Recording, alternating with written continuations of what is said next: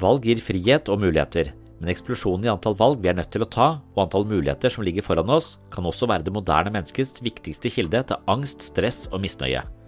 I løpet av en dag må vi ta enormt mange avgjørelser, og antall valg vi har til rådighet ved hver avgjørelse, er langt mer mangfoldig enn før i tiden.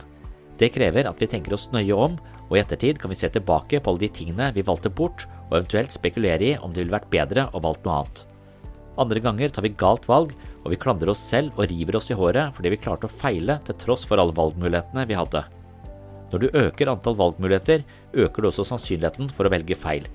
Tvilen før et valg blir mer omseggripende, og filosofen Søren Kirkegård har sagt at angst er sekundet før vi tar et valg. I tillegg viser det seg at menneskehjernen ikke er laget for å ta valg. Vi er ikke spesielt kompetente på å velge, noe som gjør situasjonen vår enda verre. Hør mer om valgets kvaler i episode 40 og 58 på podkasten Sinnssyn.